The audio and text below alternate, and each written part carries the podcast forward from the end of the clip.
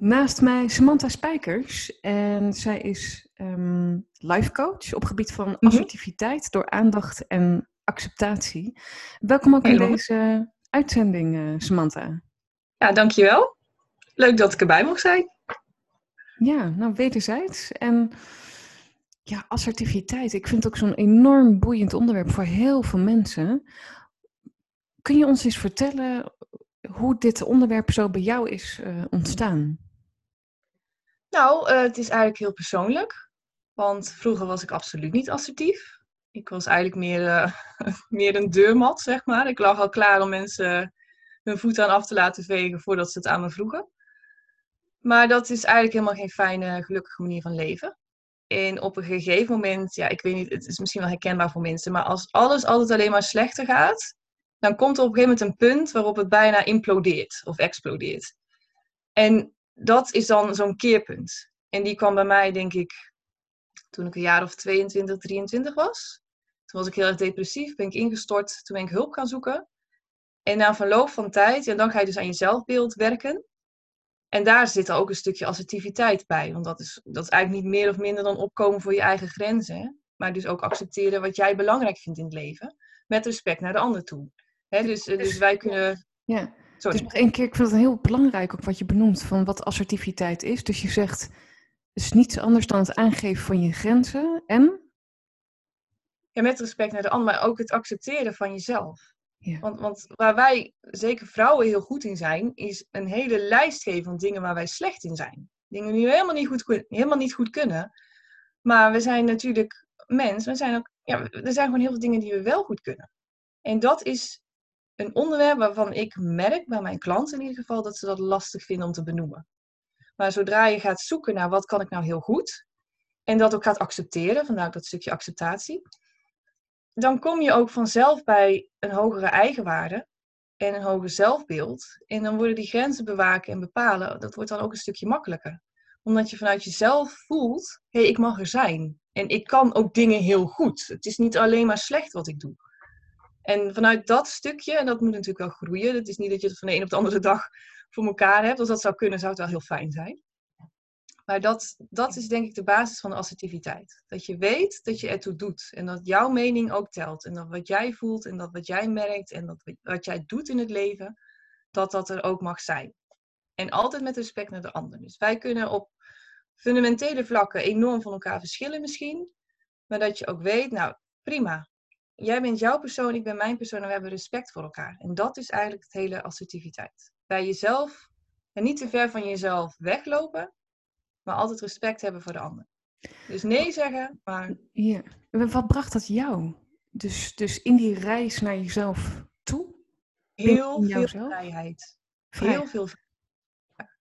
En het is best eng, want als je altijd jezelf aanpast aan anderen, en dat is dus wat ik deed. Ik was echt een pleaser. Ik ben altijd bezig geweest met als ik andere mensen maar gelukkig kan maken, dan, dan is het goed. Maar dat is voor jezelf niet goed.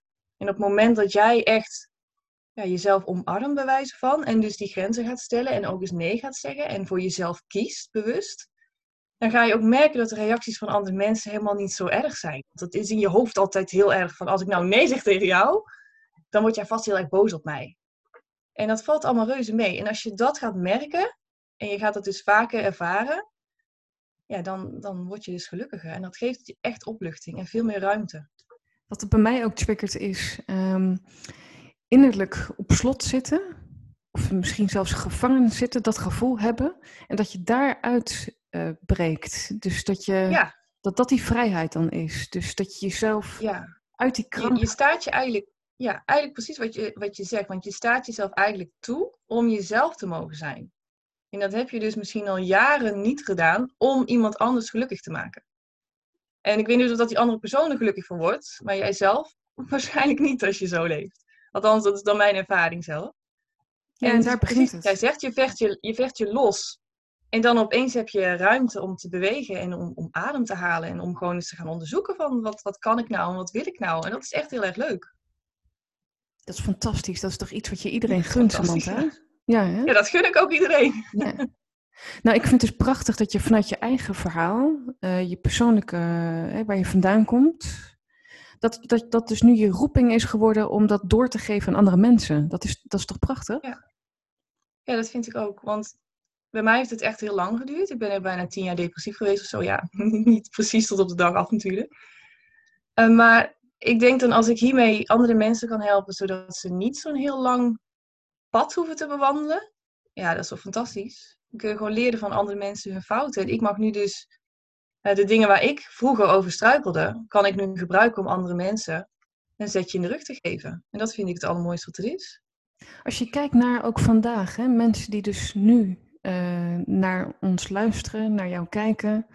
Wat zou je mensen vandaag kunnen meegeven om daarin een stapje voorwaarts te kunnen maken? Wat, wat, wat zou dat kunnen zijn? Ik zou al, ja, dit, ik noem dit gezond egoïsme. Want als je niet goed voor jezelf zorgt, kun je niet goed voor een ander zorgen. Dus het klinkt misschien heel tegenstrijdig, maar zet jezelf eens op één. En of dat nu uh, is met wat je, wat je vanavond wil eten, dat iemand aan je vraagt, dat je dat gewoon eens zegt. Of dat je zegt, uh, nou, ik wil vandaag helemaal niet met jou gaan wandelen, ik wil een stukje gaan fietsen of zo. Zet jezelf gewoon vandaag eens op één. Doe, doe, maak één bewuste keuze die voor jou goed is. En dan ga je vanzelf merken dat dat, als je dat vaker doet, dat dat goed is. En dat mensen om jou heen dat ook gaan accepteren. Want zo is het. En merk je ook, want, want ik, ik hoor je en ik zie je inderdaad, Samantha, prachtig vertellen. En, en je kunt je eigen systeem daarin herkaderen om, om andere patronen jezelf daarin aan te leren. Heb je dan toch nog af en toe wel eens een trigger die, die toch nog dat, ja, dat gevoelig houdt? Hoe, hoe is dat bij jou? Heel vaak bij familie. Met familie is het, het, eh, het, vaak het makkelijkste om te oefenen, maar ook vaak het moeilijkste. Omdat zij, ja, die ken je waarschijnlijk al bijna je hele leven of je hele leven. En die zeggen vaak onbewust net die dingen uh, die bij jou iets losmaken. Dus als, als mensen tegen mij zeggen van, oh, uh, uh, wat is nou, nou, ik heb laatst ehm, besloten zelf nog extra coaching te gaan volgen. Ik wil gewoon slimmer worden, ik wil mijn expertise uitbreiden. En dan zijn er toch altijd mensen die dan ook zo'n twijfel opwerpen. En dan merk ik bij mezelf dat ik heel erg geneigd ben om te denken, oh, dat mijn keuze is dus niet goed. En dan ga ik het dus weer bij mezelf zoeken. En ja, het, het beste wat je dan kunt doen is dat eigenlijk even laten gebeuren. Het gewoon ervaren. Erkennen dat het er is. En ook gewoon eens met jezelf eigenlijk in discussie gaan van waarom doe ik dit nou? Voelt het goed? Nou, dan is het mijn keuze en dan sta ik erachter en dan maakt het eigenlijk niet uit wat de rest zegt. Maar dat hele stukje, dat, dat stukje onzekerheid of een stukje twijfel of wat je ervaart, dat mag er ook gewoon zijn, want het is een emotie. En het belangrijkste van emoties is dat ze erkend willen worden. En als je dat doorhebt en je geeft het eventjes de ruimte, dan komt er daarna ook veel meer ruimte om het weer gewoon op jouw manier te doen. En het hoeft ook niet meteen in één keer perfect. Het is ook niet dat als je morgen assertief bent, dat je dat de rest van je leven elke dag 24 uur per dag moet zijn. We zijn allemaal mensen, dus die kleine, korte, kwetsbare momenten, die zullen wij altijd hebben. Maar die heeft iedereen. En dat is ook weer een, vind ik, een, een soort opluchting. We zijn allemaal mensen, dus we weten allemaal hoe het voelt. Mooi hoor. En als je dan ook kijkt, zijn er ook specifieke situaties waarin je in, in bepaalde contexten dus dat het meest ook ziet voorkomen dat die assertiviteit een uitdaging is. We hebben al één benoemd, dat is familie. Dat is al een heel belangrijke grote factor, denk ik. Um, maar ook bijvoorbeeld als life coach met mensen op de, op de werkvloer, werk je daar ook mee? Wat voor een geluid zie je daar? Op de werkvloer werk ik ook wel. Ik doe vooral persoonlijk, op persoonlijk vlak wel. Maar wat ik zowel op persoonlijk vlak en dan op de werkvloer wel meekrijg, is communicatie. Dus echt het, uh, God, wil jij dit vandaag eventjes voor mij doen? En dat mensen dan geen nee durven te zeggen. Terwijl ze al een hele waslijst van dingen hebben die ze moeten doen. En dan gaan we altijd oefenen met uh, wat uh, dat heet geweldloos communiceren. Waarbij je eigenlijk aanspreekt bij de ander de compassie. Dus dan zeg je van, goh, ik, ik zie dat je mij nu vraagt dat, je, hè, dat ik dit voor jou kan doen. En dan komt er altijd een stukje gevoel bij. Dus wat, wat, wat voel ik daarbij? Nou, ik zie dat je mij dit vraagt. En dan voel ik me eigenlijk heel verdrietig bij. Want ik heb de behoefte aan dat ik de tijd krijg om mijn eigen taken even te doen. Dus mijn verzoek aan jou is om dit bij iemand anders neer te leggen. Even heel kort door de bocht. Dus misschien het slechtste voorbeeld wat ik kan geven, maar dan weet je een beetje ja. hoe of wat. Dus daar gaan we dan uh, meestal in rollenspellen mee oefenen. Maar dat is dus ook een stukje wat altijd terug echt de communicatie. Van hoe zeg je nou nee? Want het is fijn dat je weet wat je wel en wat je niet wilt. Maar ja, dat moet je natuurlijk ook naar de buitenwereld uitdragen. En dat hoeft helemaal niet op een manier te zijn waarop je mensen op hun tenen gaat trappen of zo. Dat kan dus ook op een manier die aanspreekt bij de ander de compassie. Want iedereen weet hoe het voelt om verdrietig te zijn of om boos te zijn of gefrustreerd. Dus als jij dat bespreekbaar maakt, wat het bij jou doet, dan kan die ander daar al veel eerder begrip voor hebben. Ja, en dus ook En dan zul je ook merken, En dus ook te leren met, met die, die grenzen inderdaad. Daarmee te spelen ook. En, Ja. en dat te, te- blijven ervaren. Mooi. ja, en dan, dan kun je het ook eh, beter terug ontvangen. Als iemand anders dan ook iets tegen jou zegt van, Ja. goh, ik merkte, dat- eh, gisteren werd er dit en dit gezegd en daar voelde ik me eigenlijk heel boos over. Dan kun je het ook beter ontvangen. Ja. Dus het is echt het, het op compassie zitten. Mooi hoor. Ja.